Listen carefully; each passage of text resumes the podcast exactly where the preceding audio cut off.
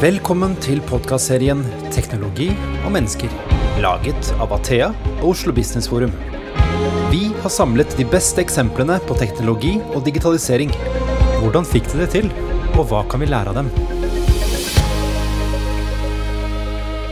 Da er vi tilbake med en ny episode i podkasten Teknologi og mennesker. Mitt navn er fortsatt Christian Brostad. Aller først, tusen takk til alle dere som følger oss hver eneste uke. Det er vi veldig glad for. Og et lite tips. eh, Trykker du på abonner-knappen, så kommer episoden automatisk inn i podkastspilleren din. Så over til dagens eh, tema. Det er jo en app for alt i livet. I Google sitt økosystem så er det over 3,5 millioner apper. Og når vi går til Apple, så er det over 2,2 millioner eh, apper. Men det er bare en håndfull av disse appene som vi kan kalle eh, superapper. Selve begrepet som jeg har googlet til, da, ble først lansert i 2010, faktisk, av en fyr som heter Mike Nå skal jeg prøve å uttale navnet. Lazardis, eller noe sånt. Får arrestere meg hvis det er helt feil. Eh, Men begrepet er altså ikke helt nytt. Eh, Vi kjenner jo godt til apper som WeChat, Alipay, PayTM, Grab, GoTo osv. Og dette er jo superapper som har tatt Asia med storm. Og så har det kommet for, for mitt øre at uh, også superapper har blitt årets businessord i 2022. Så i denne episoden skal vi faktisk snakke om fenomenet uh, superapper, og hvor utviklingen er på vei. Vi har med oss to fantastiske, også friske, eller delvis friske, håper jeg, eh, gjester. Det er Nina Hareide Larsen, som er kommersiell leder i Meta. Og så har vi Eirik Normann Hansen, som er teknologioptimist, har jeg lest, og daglig leder i Eirik Normann AS. Velkommen til dere. Tusen hjertelig. Tusen hjertelig. Jeg pleier å spørre hvordan det går. Er formen bra? Ja, det vil jeg si. Ja, Ikke noe å klage på? tipp topp. Nytt år, nye muligheter. Dette går bra. Yes. Ja. Jeg tenkte vi skulle starte med deg, Erik. fordi eh, Dette med superapp er jo et begrep kanskje mange ikke har noe forhold til. Ja. Eh, Hvis du skal prøve å beskrive hva, hva er en superapp, Ja, hva vil du si da? Ja, du, altså, du var jo litt innpå det i stad, for det, det er jo sånn i utgangspunktet en app som kan nesten alt. Men så blir jo alt litt dumt og vagt og rart. Eh, hvis man googler litt til eh, og finner definisjonen på superapp, så er man ofte veldig opptatt av at den i tillegg både kan f.eks. betaling og det de kalte for finansielle transaksjoner eller kommunikasjon. Sånn som WeChat f.eks., som både er et sosialt medie med kommunikasjon frem og tilbake og dele og tjo og hei, og man kan betale. Og sånn som man kan på Finn, f.eks. Ikke en ren sånn tappe i butikken-betaling, men du og jeg, du skal selge noe brukt. Vi bruker den for å gjøre den transaksjonen også. Så det er vel kanskje det som har vært litt viktig, eh, at den har òg med denne transaksjonsbiten. Nina, hva er ditt forhold til begrepet? Jeg tror Erik allerede har vært inne på mye av det som kjennetegner de appene. At man har samlet veldig mange tjenester i én app. Um, og det kan jo komme av mange ulike ting. Vi ser og Du har allerede nevnt at det er store i det asiatiske markedet. At vi kanskje ikke har sett så mye av det her i vårt marked ennå. Og det tror jeg kommer også av at her eh, hvor vi bor, da, så har jo mange tjenesteytere, også statlige aktører, men også finansnæring, da, vært tidlig ute med å digitalisere sine egne tjenester, og gjort de godt tilgjengelig for folk gjennom sine egne apper. Som igjen da har gjort at det ikke har vært så stort marked for at noen andre digitaliserer tjenesten din, som jo er kjenne, også er et viktig kjennetegn med disse superappene. Da. Så det er jo et veldig stort måte, konglomerat av Ja. tjenester som ikke tilhører én eier, men som samler en rekke tjenester på et sted.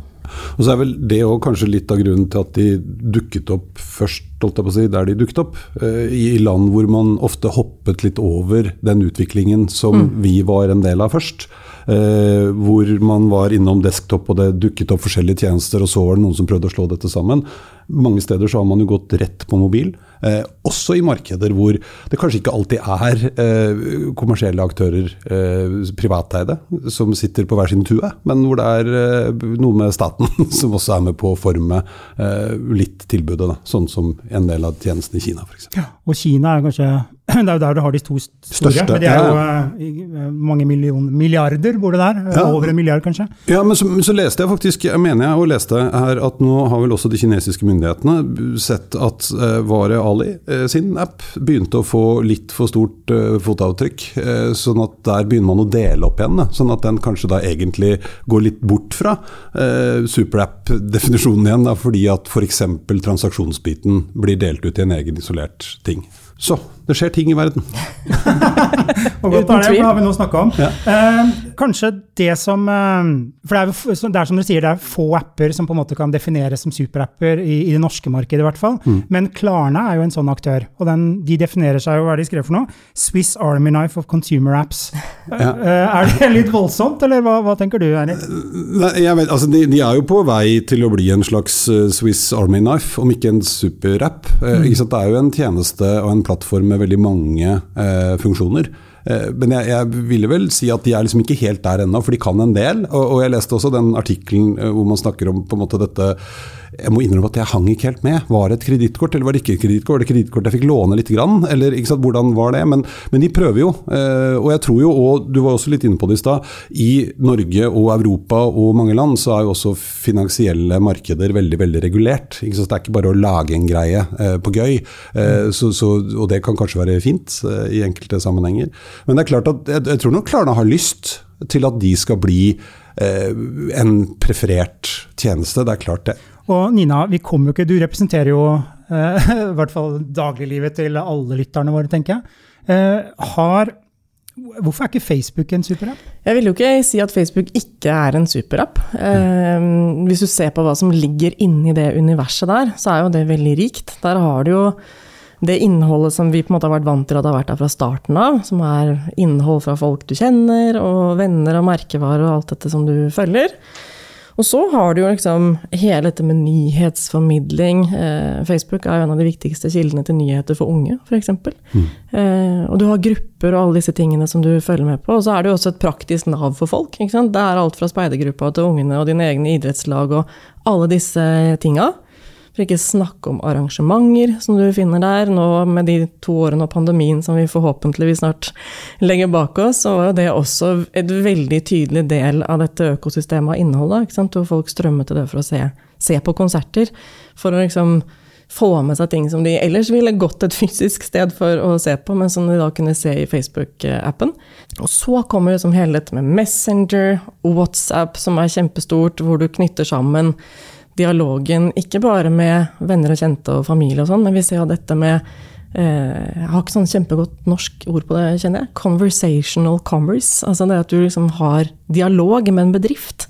Det vokser jo også kjempesterkt, som igjen peker inn mot dette med liveshopping.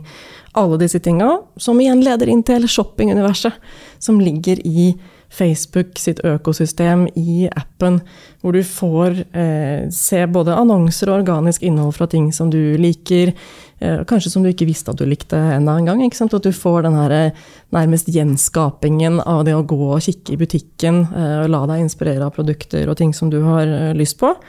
Så alt det ligger jo inni der. Eh, og så er det jo også Vi har jo ikke noe mål om å være en bank, men det er klart at når du kommersialiserer tjenesten og legger til rette for andre kommersielle aktører, drive kjøp og salg i eh, Facebook-appen, så er jo en betaling en naturlig del av det. Så sånn sett i forhold til Swiss Army Knife-spørsmålet ditt, så er jo Klarna og andre betalingstjenester de har jo på en måte startet som en betalingstjeneste, og så bygger de ut universet sitt med det som et nav.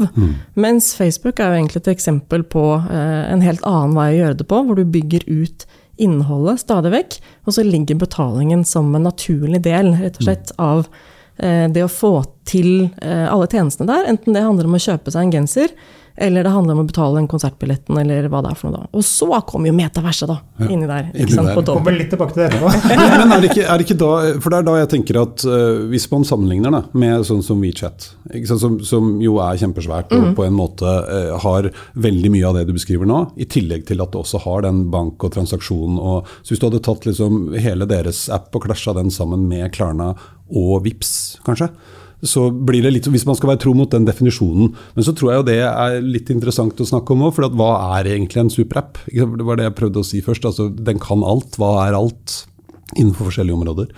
Eh, noen tenker jo på telefonen på en måte nesten som superappen. For der har du tilgang til alt, eh, sortert sånn som du vil ha det. Ja, jeg tror også Ref det vi var litt innom i stad, hvor eh, sånne superapper eh, har hatt sitt største liksom, nedslagsfelt nå, da. Så vi kommer jo ikke unna det med betaling. Nei. For i mange av de markedene så er jo i motsetning til vår del av verden, som nesten er overbanked, så er det jo eh, veldig mange mennesker eh, hundrevis av millioner av mennesker som ikke har noe bankforbindelse. De har ikke en bankkonto. Så det er klart, for eh, de som ikke har den infrastrukturen, å få tilgang til apper og tjenester som løser betalingen, at du får penger for produktet ditt på en måte du stoler på, det er jo en enormt viktig inngangsport til å kunne eh, bygge ut sin egen bedrift, f.eks.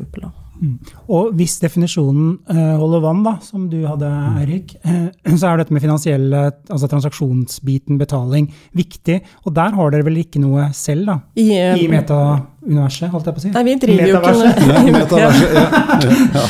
Eh, nei, altså som jeg sa, Facebook, eller Meta, da, vi har jo ikke noe intensjon om å være en bank. Vi legger jo heller til rette for at du kan betale med andres betalingstjenester, sånn som du kan bruke kredittkort etc. Ikke sant? Og det er jo, for da tror jeg òg vi kommer litt inn på det som kanskje òg er grunnen til at de oppsto der de oppsto. Hvor man hadde andre reguleringer og andre eh, av altså finansmarkeder og finanstjenester og, og kan merge det sammen. For sånn er det jo ikke her. Man hadde jo trodd kanskje at dette skulle gå litt fortere på et eller annet vis i Europa. Så når det er, eh, hva heter det for noe, PlayStation 2-direktivet, PS, nei, hva heter det for noe, Eh, som gjorde at eh, man skulle kunne ha bank- og betalingsløsninger eh, liksom litt utenfor eh, de tradisjonelle kanalene. Da. Det heter ikke PlayStation 2-direktivet, men det er noe Nei, ja. det ligner. PSTDO2, takk. Ja. Vi får nok en henvendelse på det der. Ja, det går nok bra. Det går nok bra. Jeg skal stå inne for det. Ja. Ja. Så, så det er noe av rasjonalet bak. eh, For datadeling her er jo eh, viktig. Jo, men- og det er jo en del av det. ikke sant? Fordi at Der vet vi jo at det har vært litt andre regler og forhold eh, i andre deler av verden enn i Europa eh, spesielt. Eh, og for så vidt også i USA. Selv om USA nå begynner på enkelte områder å stramme til litt grann, og skule litt i Europa i forhold til GDPR og det neste som kommer her. sånn. Og så tror jeg ikke det i seg selv gjør at det ikke er mulig å få til kommunikasjon. Fordi jeg har jo blitt litt sånn skap-GDPR-entusiast. For det, det er jo noe med at det egentlig bare plasserer ansvaret veldig tydelig hos den store aktøren. Sånn at jeg som forbruker skal i prinsippet kunne være trygg på at dataene mine blir håndtert på en god måte. Og, og hvis man gjør det og har innhentet de nødvendige samtykkene og alt det der, så, så er det helt utrolig hva man kan lage av tjenester. Men det er, litt, det er nok litt minefelt for mange nå, også å bevege seg ut i. Eh, Eirik, du var jo litt inne på det i stad, at det er kanskje eh, folks eh, opplevelse av dette med superapper er mer supermobiler. Da. Eh, og Apple tjener jo nå gress med penger på, mer på tjenesteuniverset enn de gjør kanskje på selve mobilen. Vet ikke helt det, men det er i hvert fall, det, det eskalerer jo som bare det. Er det nok for forbrukerne, tror du? Altså at, er det det folk vil ha? Vil folk ha superapper?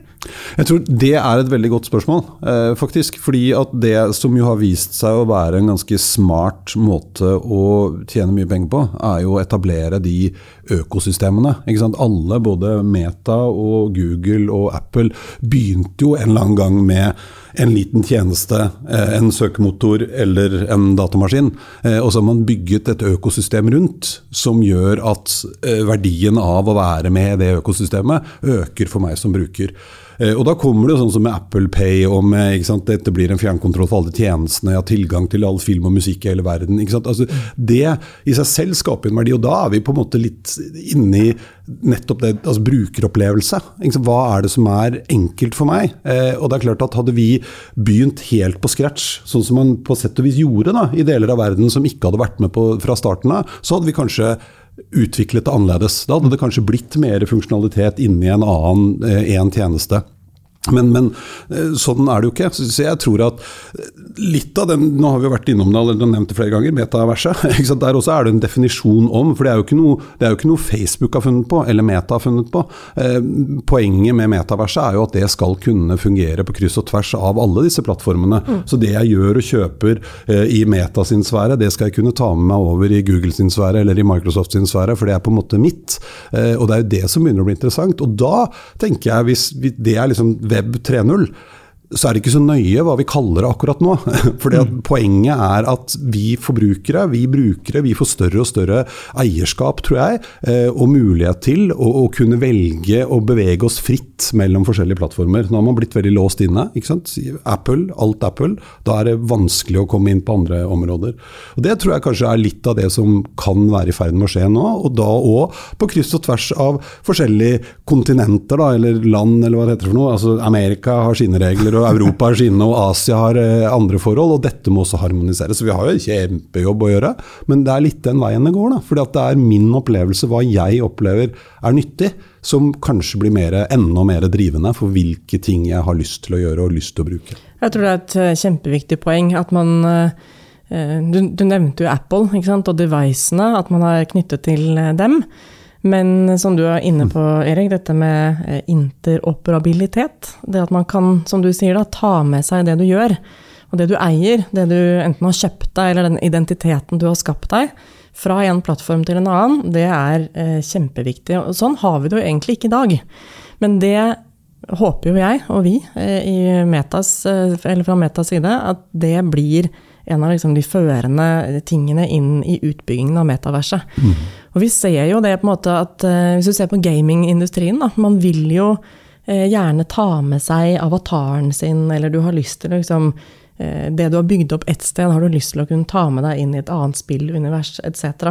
Som igjen kommer tilbake til dette med Eh, hvordan skal du betale for det da? Den digitale valutaen som ligger inni der. Men det prinsippet om interoperabilitet kommer til å være kjempeviktig fremover. Selv om mange aktører kommer til å ønske seg å lage såkalte wall gardens for å liksom hegne brukerne inn. Da. Mm. Jeg tror ikke at brukerne noen år fremover kommer til å eh, ønske seg det i like stor grad som man nå på en måte er vant til at det er sånn. Da. Ja, ikke sant? og Her er vi jo litt morsomme som mennesker, syns jeg. For vi, vi, er jo veldig glad i å være skeptiske til å uh, lage teorier om hvor store og fæle både Facebook og Google og Apple er. Samtidig så tror jeg det er veldig veldig få som i hvert fall har blitt litt grå i håret, da, som husker den gang da det var en fem, seks, syv forskjellige søkemotorer. ikke sant? Hvor Alta Vista var best på sport, og Yahoo var best på finans. og Så Du måtte på en måte vite hvor du skulle Du er jo ikke keen på Det er veldig digg at det er én som bare er grisegod. Eh, og det samme med sant, type kommunikasjonsplattformer og samhandlingsplattformer. Men når det begynner å funke på kryss og tvers, når det ikke er så nøye hva jeg bruker. Eh, vi må ikke velge en plattform, vi kan besøke hverandre likevel. Og da, da, da, beveger vi oss liksom også litt forbi det som ofte blir litt sånn spill og underholdning. Når vi snakker om metavers nå f.eks., så tenker veldig fort veldig mange på VR-briller, og så er det gøy, og skal vi leke sammen. Eh, jeg intervjua en kar fra Soprasteria som driver med De har laget en, en tjeneste nå for Eh, å kunne gjøre hjerteoperasjoner, det kan de ikke, men de kan nesten. De kan stille diagnoser og skanne et hjerte og se det i 3D, og ha med eksperter fra hele verden som etter hvert nå kan trene på operasjonen på ditt hjerte virtuelt. Og når de får til det, er liksom neste fase igjen og du er trygt i mål og det gikk bra med operasjonen, da har den tatt opp operasjonen, og så trykker du på play, så er det en robot som gjør det på deg, og så er du trygg. Det er også metavers. Og det er på en måte litt viktigere ting enn at du og jeg kan møtes uten å møtes for å spille tripp trapp tresko. Jeg er veldig glad du nevner den typen eksempler også, for det er jo der eh, noe av den største effekten mm. til det å bygge ut det som jo kalles metaverset, da, eh, kommer til å komme. Um, selv om gamingindustrien der er veldig langt fremme, og det er på en måte lett å se der at jo, jo, men der finnes det avatarer, og du på en måte setter på deg de klokkene og setter masse skjermer rundt, og du har opplevelsen av å faktisk være et annet sted. Uh, så sånn sett så er det en god forklaring og en inngangsport. Men den virkelig store liksom, game changeren kommer jo når vi kan begynne å jobbe sånn som du er inne på, da, Erik, med innenfor medisin. At du ikke trenger å være fysisk der hvor den beste eh, kirurgen er, mm. Eller ikke minst den enorme løftet som vil komme i tilstedeværelsen. Eh, og det skulle vi jo så sårt hatt da, når vi nå har to år på hjemmekontor. Men når vi tross alt får det til å funke sånn noenlunde greit ved å sitte og se hverandre på en todimensjonal skjerm, så er det, syns jeg, også da kanskje det enkleste feltet å forestille seg hva kommer det til å bety da, fremover? For både den menneskelige interaksjonen, som vi jo vet er kjempeviktig for å kunne ha en kreativ samtale, f.eks. Men også tidsbesparelser. eh, økonomi, ikke minst hele miljøperspektivet ved at du ikke trenger å reise en hel dag for å komme til det ene møtet etc., og likevel ha en god opplevelse. Da. Så de feltene der kommer til å bli liksom noen av de største endringsområdene når både vi og mange andre selskaper begynner å virkelig bygge ut disse tjenestene. Da. Da for, Nå har vi jo dratt ut i metaverset, litt bort fra, fra superappen. Jo, men for å ta det litt tilbake, jo, men jeg, jeg, føler det er et viktig poeng her. Da, for det er litt sånn igjen, tenk på hva som er mulig. Eh, og, det er ikke om å gjøre å trykke alt inn i én app fordi det går. Altså I de landene og de stedene hvor det har vært den naturlige starten, eh, og som har blitt noe fantastisk bra, eh, tipp topp. Men vi ser at sant, alt blir tilgjengelig. Alt blir tilgjengelig, eh, på en eller annen måte. Vi kan gjøre ting nå som vi ikke kunne gjøre før. Tenk hvis dette hadde skjedd i 93, husker jeg jeg diskuterte med en fyr. Det hadde ikke vært noe problem, sa han, for da hadde vi jo Nokia 2110. Og, ja, men, og da kunne du sende tekstmelding, var tipp topp. Ja, du kunne sende, men det er ikke sikkert alle kunne ta imot, for det var ikke alle som hadde sånn telefon. Ja, men jeg kunne spille Snake, nei, jeg kunne ikke det, for den kom ikke før i 95. Ja, så, så, det er helt vilt hva vi kan få til. Det grunnleggende behovet her mm. er jo å la eh, brukerne få tilgang til de tjenestene og gjøre det som man ønsker seg som bruker. La folk få knytte seg sammen og oppleve ting. Eh, og så må man på en måte bygge selve eh, operativsystemene og liksom softwaren deretter. Så det er jo alltid folk først. Ja, og så er det litt som vi var inne på i stad. Altså lover og regler og reguleringer eh, som gjelder akkurat nå, gjør noen ganger det litt vanskelig for oss i Europa, kanskje de jeg kjenner best til, eh, å lage sånne type apper. Og så er det kanskje ikke så dumt på enkelte områder at det er sånn. Og så tror jeg jo at vi står overfor en ganske stor utfordring, fordi vi trenger noen sånne globale reguleringer. Og du hører jo bare at oh, det blir ikke lett å få til. Eh, men, men for, å få, altså for, å kunne gjøre dette på en trygg og god måte, da. Eh, for det er mye informasjon, mye sensitiv informasjon, som skal fyke mellom forskjellige tjenester. Enten det er inni den ene appen, eller på kryss og tvers av plattformer og sikkert for en del av lytterne nå, så høres dette litt sånn futuristisk ut når du snakker om metaverse, men vi har det jo i gaming. altså Det, ja. det finnes jo allerede i dag, som dere sier. da. Men når er det uh, Jo, så leste jeg vel også at det kommer noe greier i Teams. Microsoft mm. driver selvfølgelig med dette også. Men når er det dette blir liksom mainstream? Nina? Og det er et veldig godt spørsmål. Eh, vi har jo vært innom gaming et par eh, ganger mm. tidligere, og der vil jeg jo si at det i stor grad allerede er mainstream. At du har den opplevelsen av at du er et annet sted, på en måte, mm. mentalt sett, enn der hvor du fysisk eh, er. Og selv om vi nå har snakket mye om at liksom det er opplevelsen som står i sentrum, og software etc., så er det klart det henger jo også sammen med utviklingen av de faktiske liksom, hvordan, hvordan skal du ha tilgang til dette her? Mm. Og eh, hele VR-universet og diskusjonen er kjempeinteressant. Mm. Noen av de tingene vi snakket om i stad, liksom, innenfor medisin etc., eh, trenger jo helt klart, liksom, i hvert fall i dag, et VR-sett à la sånn som Oculus ser ut, f.eks. Men det store skiftet vil nok komme først når det blir lettere tilgjengelig. At du mm. kan få rikere opplevelser på enheter du allerede kjenner til og har, som f.eks. Mm. en mobiltelefon. Eller sånn som vi i Facebook, eller Meta, da, nå glemte jeg meg borti igjen, jobber med, er jo på en måte forenkle og komprimere den teknologien sånn at du får plass til den ordinære ordinær brille. Ja. Og da begynner det virkelig å skje ting når det blir eh, et vanlig hva skal man kalle det? Device? Kan man ja. kalle brille en device? Eh, å ha, for da er det så mye mer tilgjengelig. Og mm. da begynner vi også å venne oss til denne utvidede virkeligheten. Fordi vi må huske på at vi snakker jo ikke alltid her om at vi på en måte skal forsvinne helt bort i et annet univers. Men det er jo den daglige hjelperen, sånn som mm. denne supercomputeren som vi jo nettopp har eh, lansert at vi jobber med, verdens sterkeste AI-maskin, den eh, vil jo være en driver her. ikke sant? For at du f.eks. når du er på besøk i et annet land, eller snakker med noen som snakker et annet språk enn deg, så vil jo den auto-oversette for deg. Vil jo åpne opp fantastiske brukermuligheter. ikke sant? Men du er jo avhengig av at du kan ha det med deg på en måte som ikke en måte separerer deg fra verden. da, må, må ta på disse svære liksom, VR-settene. Så det er først når det skjer, og folk begynner å venne seg til at du får den daglige hjelpen, eller du kan se kartet i brillene dine istedenfor å måtte ta opp telefonen og prøve å finne ut av retning etc., da kommer jo det skiftet. ikke sant? Mm, for det er jo ikke en kjeft, uh, unnskyld uttrykket, Eirik, som gidder å gå med svære kolosser av noen briller. Nei, for, og, Snakker kontaktlinser og ja, ja, det forskes, og sånn, ja, ja, det forskes det jo på. Altså, det har man kommet ganske langt på. Men også briller. Jeg tror det første steget nå er jo bort fra den litt tunge dykkermaska. Selv om overgangen fra liksom forrige generasjon Oculus til Oculus Quest 2, hva det heter, eh, nyeste nå, er jo helt vanvittig. Eh, Jeg har bare lyst til å skyte for det. I, før jul i forrige fjor blir det nå, da, for nå har det jo gått et år til nyttår og greier. Eh, Da eh, var det jo helt lockdown. Da var det ikke lov med noen ting. Eh, Og da var det et selskap som eh, jeg kjenner litt til her i Oslo, eh, som er en 15-16 stykker. De syntes det var litt eh, dritt, rett og slett, at de ikke fikk ha julebord. Så de kjøpte Oculus eh, Quest 2 til alle de ansatte. Og så hadde de julebord i VR. Og så ble jeg invitert til å komme og holde foredrag, for de liksom, det var litt gøy. Og det var dødskult, fordi at jeg satt jo på kontoret mitt. Alle de andre satt hjemme hos seg. Jeg måtte møte opp litt før, fordi vi brukte da en plattform som heter Engage, hvor det er litt sånn kjente venues. Vi var i en eller annen forelesningssal på Harvard, tror jeg. Da måtte jeg komme litt før, for da måtte jeg gå ut en dør på siden og gjemme meg på bakrommet. Og sto i døren og tittet. Kjempekul surround-lyd. De kom inn i salen. Når jeg ble introdusert, så gikk jeg inn. Vi lo litt av det. Da var det litt rart at de satt og kunne klappe og hoie og sånn. Men etter kun altså, noen minutter så glemte vi litt det. For da var jeg der, de sto der, de kunne rekke opp hånda, vi hadde skjerm. Det som var enda morsommere, var når jeg var ferdig, så ble jeg stående og snakke med to av de.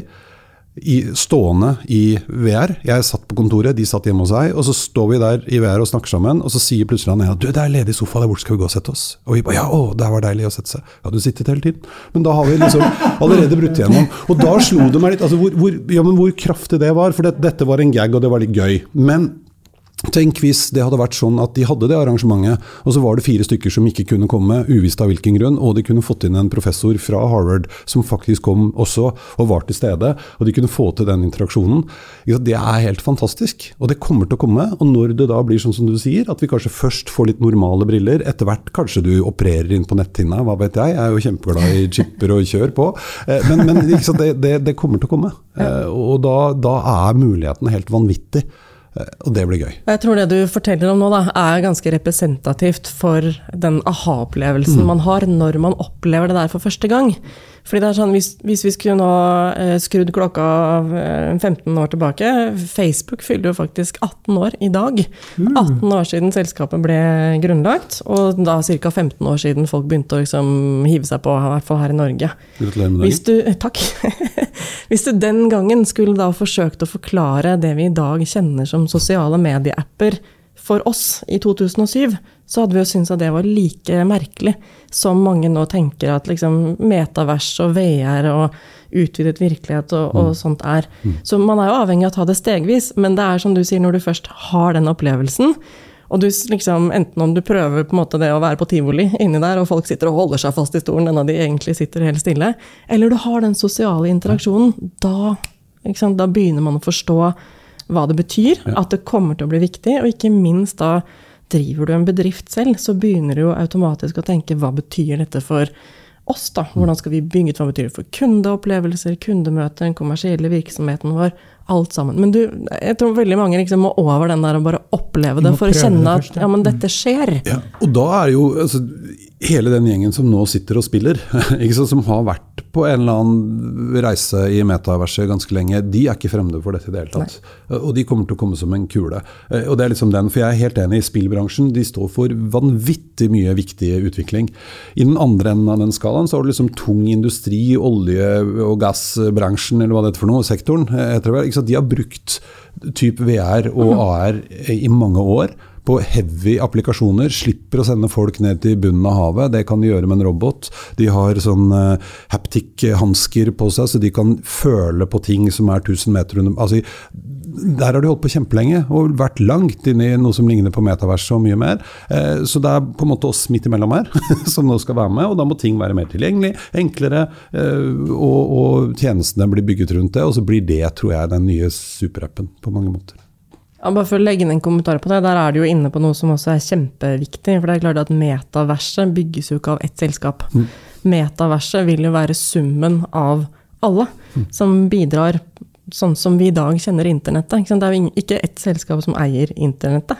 Det er jo summen av alles tjenester og opplevelser og hva man bidrar med. Så det er et kjempeviktig ja. poeng. Eh, og ikke liksom bare den fys eller sosiale samhandlingen, og, og, men det har enorm betydning for hele eh, næringslivet. Ja. Da, industri f.eks., som du snakker om. Så dette blir veldig rikt. Kommer ikke til å være ett selskap som eh, driver det, og det er et kjempeviktig eh, poeng. Og svaret blir i løpet av de neste fem til ti årene, som vi pleier å si. Ja. Og i mellomtiden må vi holde til superapper. ja, ja, ja, og de er kjempekjedelige forhold. De er kjempe jo, men det er jo mye av dette som er vanskelig å forstå. Jo, hva heter det for noe? Eh, NFT? Nei, hva heter sånn eh, kunst... Er det ikke NFT? Jo. Ja. Og så skal du prøve å, Jeg skulle prøve å forklare mutter'n, for hun hadde lest om det. Liksom, det betyr at når jeg lager et kunstverk digitalt, og du får det, så er det bare du som har akkurat det. Og hvis du selger det, så er det det som blir Ikke, sant, ikke en kopi. Og, ikke sant, har, gardinen har jo gått ned for lenge siden. For det er vanskelig greier å begripe dette her innimellom. Altså. Det mm. har jeg ikke noe problem med. Jeg tror veien dit eh, er å starte der hvor vi er nå. Mm. Mye er jo allerede tilgjengelig. En deler av metaverset er jo mm. allerede her. Mm. Eh, selv om vi er langt fra liksom, totalen, sånn den en eller annen gang kommer til å bli. Men jeg tror det er viktig, eh, og særlig da innenfor næringslivet, som kommer til å bli truffet av dette på en eller annen måte, sånn som man ble truffet, da, hvis man skal bruke det ordet, av internettet da det kom, og liksom hele digitaliseringen, app-utbyggingen. At ikke noen andre kommer og digitaliserer tjenesten din sånn som disse superappene eh, i andre markeder har gjort. da. At man starter med det som er nå, at man begynner med å se ja, men ok, hva betyr utvidet virkelighet, hva betyr augmented reality eller virtual reality for det jeg driver med? Sånn som det er i dag, og begynner å eksperimentere med det. For den viktigste plattformen for et godt inngangspunkt i metaverset, da, er jo selvfølgelig der hvor vi er i dag. Ta mm. utgangspunkt i hvordan kan jeg bli best på de tingene som allerede finnes i dag, mm. og så bygge videre derfra. Jeg tror det er en uh, lite farma vei å på en måte sitte stille og vente på at metaverset kommer. Ja. Uh, og liksom være heller fremme i skoa og se på det som finnes i dag. For det er veldig mange ting som man kan begynne å eksperimentere mm. med allerede. Og En sånn bransje som faller ned i hodet mitt nå, som sliter litt, da, hvis ikke gjør noe, det er jo alle de som driver med konferanser. og Gud, trenger vi å gå på en konferanse? Nei, ja, ikke sant. Det er så faktisk, hele det, altså, Snakk om omstilling, da. Ja, ja, men Vi snakket jo litt om det før vi begynte. ikke sant? South by Southwest kommer opp nå. Skal man dra, skal man ikke dra? Jeg skulle egentlig vært på CESS i januar. Jeg mm. valgte å la være, eh, og er egentlig litt glad for det. For det var veldig mange bedrifter som Jeg kjenner noen som var der, og det var mange utstillinger som var en utstilling med en QR-kode. Så du kunne skanne den, og så fikk du se presentasjonene digitalt. Og Det er jo sånn en blanding av litt sånn convenience og restriksjoner pga. smitte og sånn, men, men, det er klart at mulighetene for å kunne tilegne seg kunnskap, eh, når det er det viktige, uten å måtte sette av en uke og reise verden rundt og bruke altså både miljø og penger og hele kjøret, er jo blitt mye tettere på oss. Jeg tror òg, for i fjor høst når det eksploderte igjen, så var jeg på masse konferanser, for det er jo ofte det jeg driver med. Og det som var litt sånn kjennetegnet på nesten alle sammen, var at folk har nesten litt beng i hva de snakket om på de konferansene. For det var bare det der å få lov å møtes. Vi er sosiale dyr. Mm. Men hvis alternativet mitt er å ikke kunne dra, og da heller være med digitalt. Og når den opplevelsen blir enda rikere fordi jeg kan ta på meg noen briller eller putte huet inn i en boks eller hva det enn måtte være, og oppleve at jeg er der, eh, så tror jeg jo naturligvis at det kommer til å skje. Og, og en litt sånn helt uh, fersk opplevelse. Jeg underviser litt på høyskolen her i byen, uh, på Kristiania innimellom. og studiestart nå, så var jo kanskje lærerne og vi mest lei oss for at nå blir det dessverre digital undervisning. Eh, men så håper vi det åpner opp på at vi kan møtes igjen om litt, sto vi og fortalte om. Og så var første spørsmålet ja, men dere fortsetter å sende digitalt, det blir tatt opp. For nå har de vent seg til at ja, det er hyggelig å møtes og det er kult, det er ikke det. Men noen ganger så passer det bedre å jobbe da, så da kan jeg heller se forelesning. Man, det skjer mer enn bare at dette var noe man gjorde pga. restriksjoner. Og da, ja, naturligvis, og da er du tilbake igjen til opplevelse og verdi. Hvorfor i alle dager skal jeg dra dit hvis jeg ikke må ned? Og en annen side av det, eh, den som er stor verdi, den praktiske delen som mm. du snakker om nå også. Jeg tror en, en annen vel så viktig side av det er jo at du har muligheten til å nå flere, og at flere kan nå det du har å si.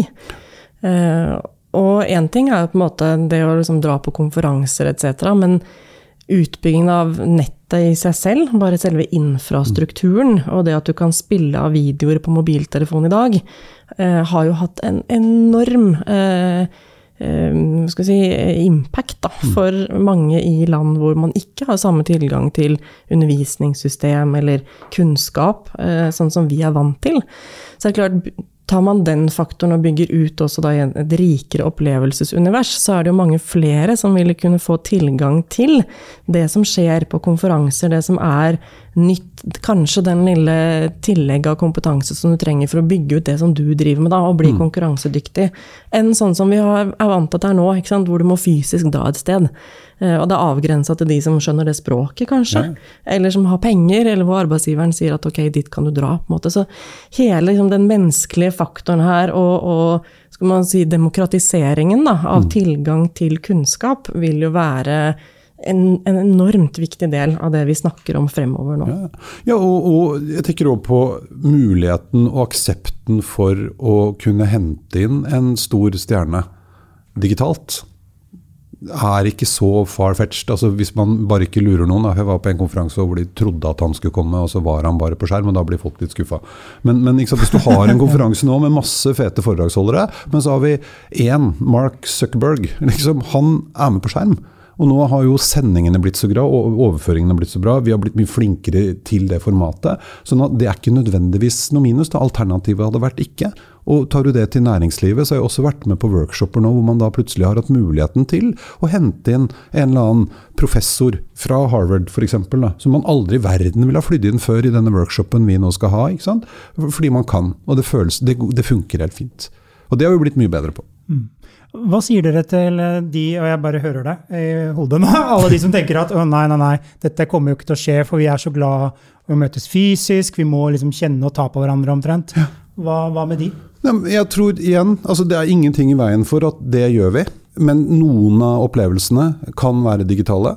Enten i form av de som kommer dit og holder foredrag, ikke, sant? ikke alle, men noen. Eller jeg hadde veldig lyst til å dra, men av en eller annen grunn så ble jeg forhindret. Da kommer jeg til å forvente at det er et digitalt alternativ. Så, så, tror jeg også, og heier på det, og syns selv det er fantastisk gøy å møte mennesker. er ikke noe tvil om det. Vi tre kunne jo også sittet på Ikke behøvd å komme hit, men det blir morsommere og bedre dynamikk når vi sitter her og kan se på hverandre. Eh, men, men noen ganger, ikke sant? hadde ikke du kunnet være her, så kunne du vært her likevel. Og det, det tenker jeg at er det viktige. Det er ikke enten-eller. Hva sier du, Nina? Jeg tror du har eh, helt rett i det. Eh, vi har jo vent oss til nå den hybride tilstedeværelsen. Og så tror jeg vi alle sammen har en ganske felles forståelse at det er få ting som slår det å være sammen med folk. Mm. Men jeg tror også at med teknologien vi har snakket mye om allerede nå, da, som blir bygd ut fremover, at det med å være sammen med folk, det får flere dimensjoner. Mm. Noen ganger så er det eneste rette å møte folk og faktisk liksom, ta på dem og gi hverandre en klem. Andre ganger så er det helt andre ting som skal til. Da. Så jeg tror vi kommer til å venne oss mye mer til en sånn hybridverden som vil være bedre også når den ikke bare er todimensjonal som på en skjerm lenger, men hvor vi har en mye rikere opplevelse av å faktisk være et sted. Så, så, tror jeg også at det er veldig viktig, nå er vi veldig preget av det vi har vært igjennom. Og alle gleder seg masse til å kunne løpe rundt og ha det litt sånn som før. Og så blir vi litt for innoverskuende, navlebeskuende innimellom, og glemmer litt å tenke på hva vil egentlig kundene våre. Jeg gjorde et oppdrag i fjor høst for en bedrift som, med selgere, og de gledet seg jo til å reise land og strand rundt igjen. Men så fikk jeg lov å ringe til noen av kundene deres og spørre hva de syns. Og da svarte de kundene at det er ganske deilig å ha dem på video. sånn at, og, og, da snakket jeg med en annen innkjøper. Altså den, den første, det første videomøtet, når de nå skal utlyse en kontrakt. da, så liner de opp den første presentasjonen, den er digital. Kjempedeilig. Innkjøperen eller de som skal kjøpe inn, de kan sette opp én dag, har halvtimes pitcher på video. Kjempeeffektivt. Og så velger du ut de tre av de ti vi har snakket med i dag, som får lov å komme og besøke oss til neste uke. For vi har lyst til å treffe dem, men vi trenger ikke å treffe alle ti. Så jeg tror, da er du på, Man må også tenke på å prøve å finne ut av hva de der ute har lyst til. Eh, ikke bare hva jeg vil. For det er ikke sikkert det harmonerer. Helt klart. Og her er du også inne på et kjempeinteressant punkt som handler om hele liksom, jobbmarkedet. Mm. Uh, og de, igjen, det vi har nå forhåpentligvis lagt uh, bak oss, har jo pekt en retning som jeg tror hadde tatt mye lengre tid å komme til hvis det ikke var for to år med hjemmekontor. Hvor man ser nå at ok, man kan gjøre en helt like god jobb ved å sitte fysisk et annet sted. Men du trenger også den der sosiale kontakten med selskapet for å forstå kulturen eh, etc. Det kan du jo da løse gjennom rikere opplevelsesrom i en, en uh, virtuell virkelighet. Mm. Samtidig som du kan faktisk da eh, la mange mennesker, fantastiske talenter, som aldri ville jobbet for deg fordi de bodde på feil sted, de kan jo da jobbe og gjøre en fantastisk jobb for deg.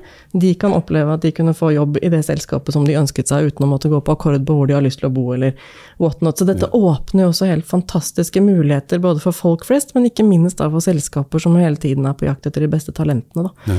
Så det er en, en veldig eh, positiv effekt da, av dette, som jeg tror eh, mange, både selskaper og, og private personer, vil ha kjempeeffekt av.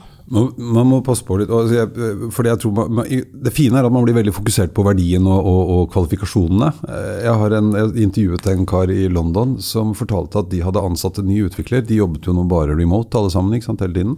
Også, og han som hadde ansatt utvikleren var kjempefornøyd. De hadde fått tak i en, hun var utrolig dyktig og alt var topp. Og så spør han ja, hvor, hvor, hvor bor hun hen? Det vet jeg ikke. Det hadde han ikke spurt. Og så viser det seg hun bodde i Sao Paulo i Brasil, så det hadde han ikke snøring på. Men det var ikke noe problem. Ikke hun ble ansatt, hun, men det hadde han rett og slett glemt å spørre om. Så hun bodde på andre siden av jorda. Ja, man trenger kanskje ikke adresse for å sende lønna heller lenger. Nei. Det er greit. Eh, vi, vi nærmer oss slutten, men eh, jeg tenkte sånn avslutningsvis um, fordi ofte så er det jo sånn at winner takes it all. Uh, nå har vi snakket om superapper, vi har snakket om metaverse osv. Uh, Eirik, blir det noen vinnere her, liksom? Eller uh, blir det en saus med masse aktører? Nei, jeg, jeg, tror, kanskje jeg tror og slash håper at det vi går mot, er at det åpnes opp så mye at ting skal fungere på kryss og tvers av, så ikke jeg nødvendigvis blir tvunget til å, å velge den ene eller den andre.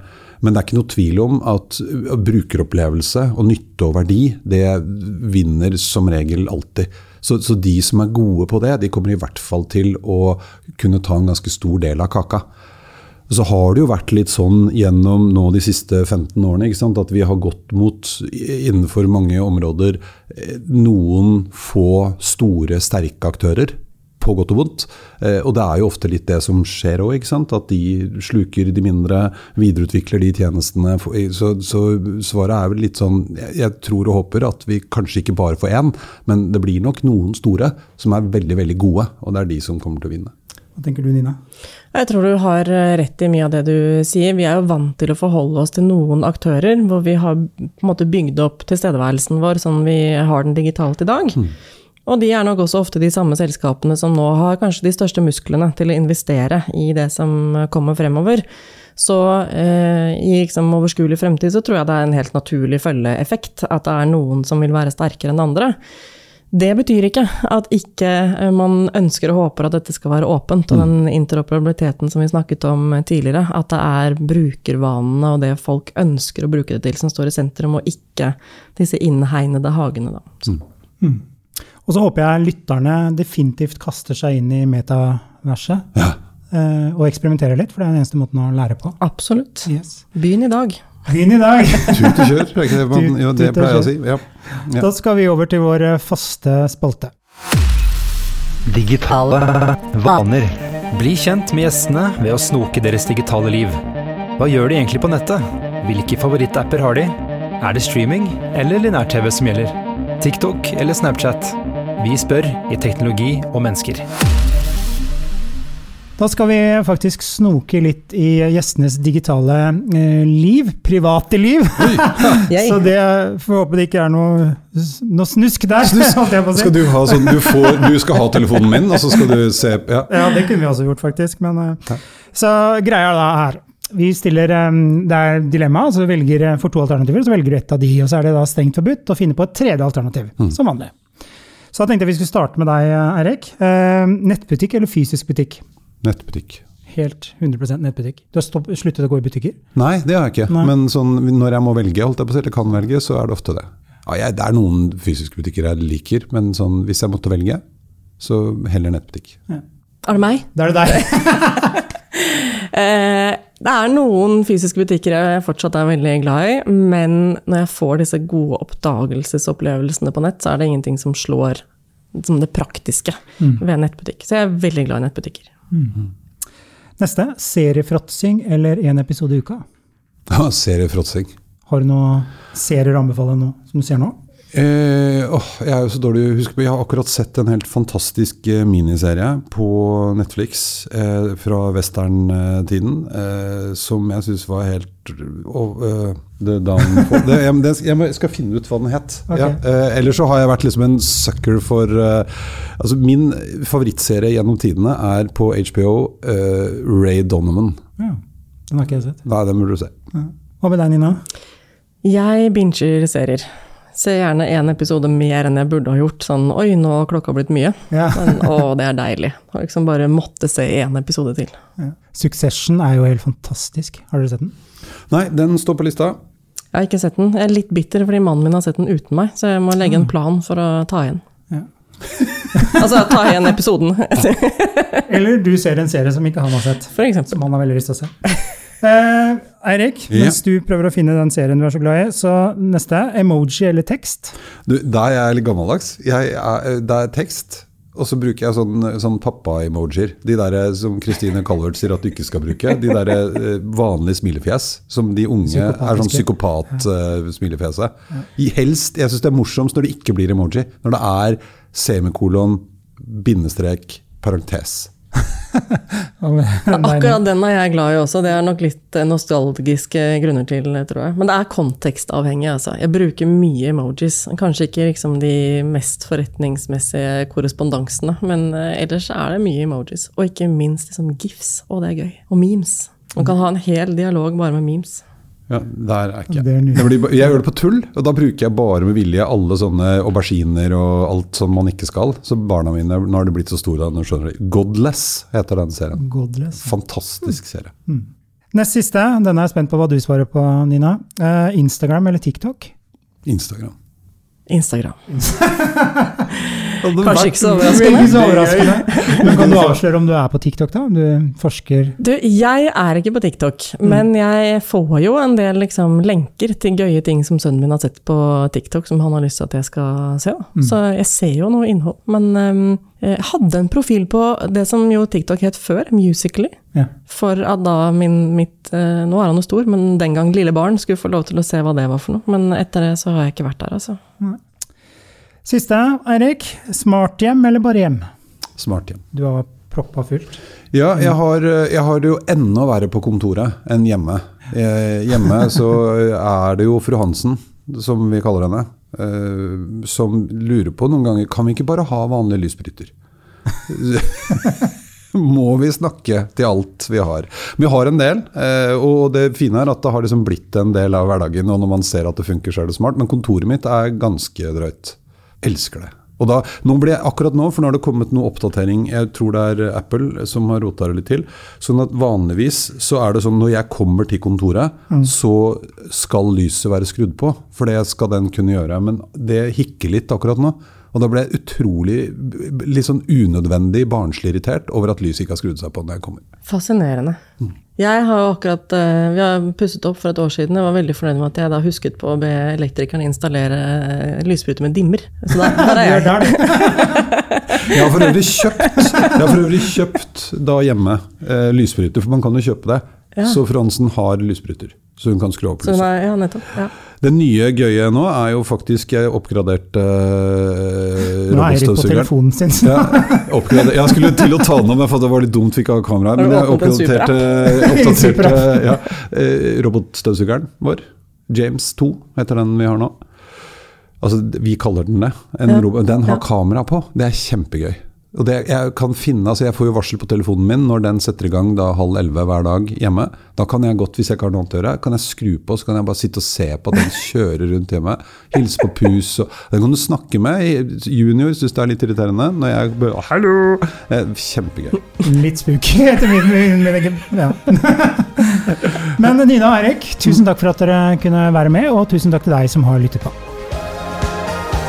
Du har nå lyttet til Teknologi og mennesker, laget av Athea og Oslo Business Forum. Liker du podkasten, setter vi stor pris på om du gir oss noen stjerner. Og tips gjerne en venn om podkasten.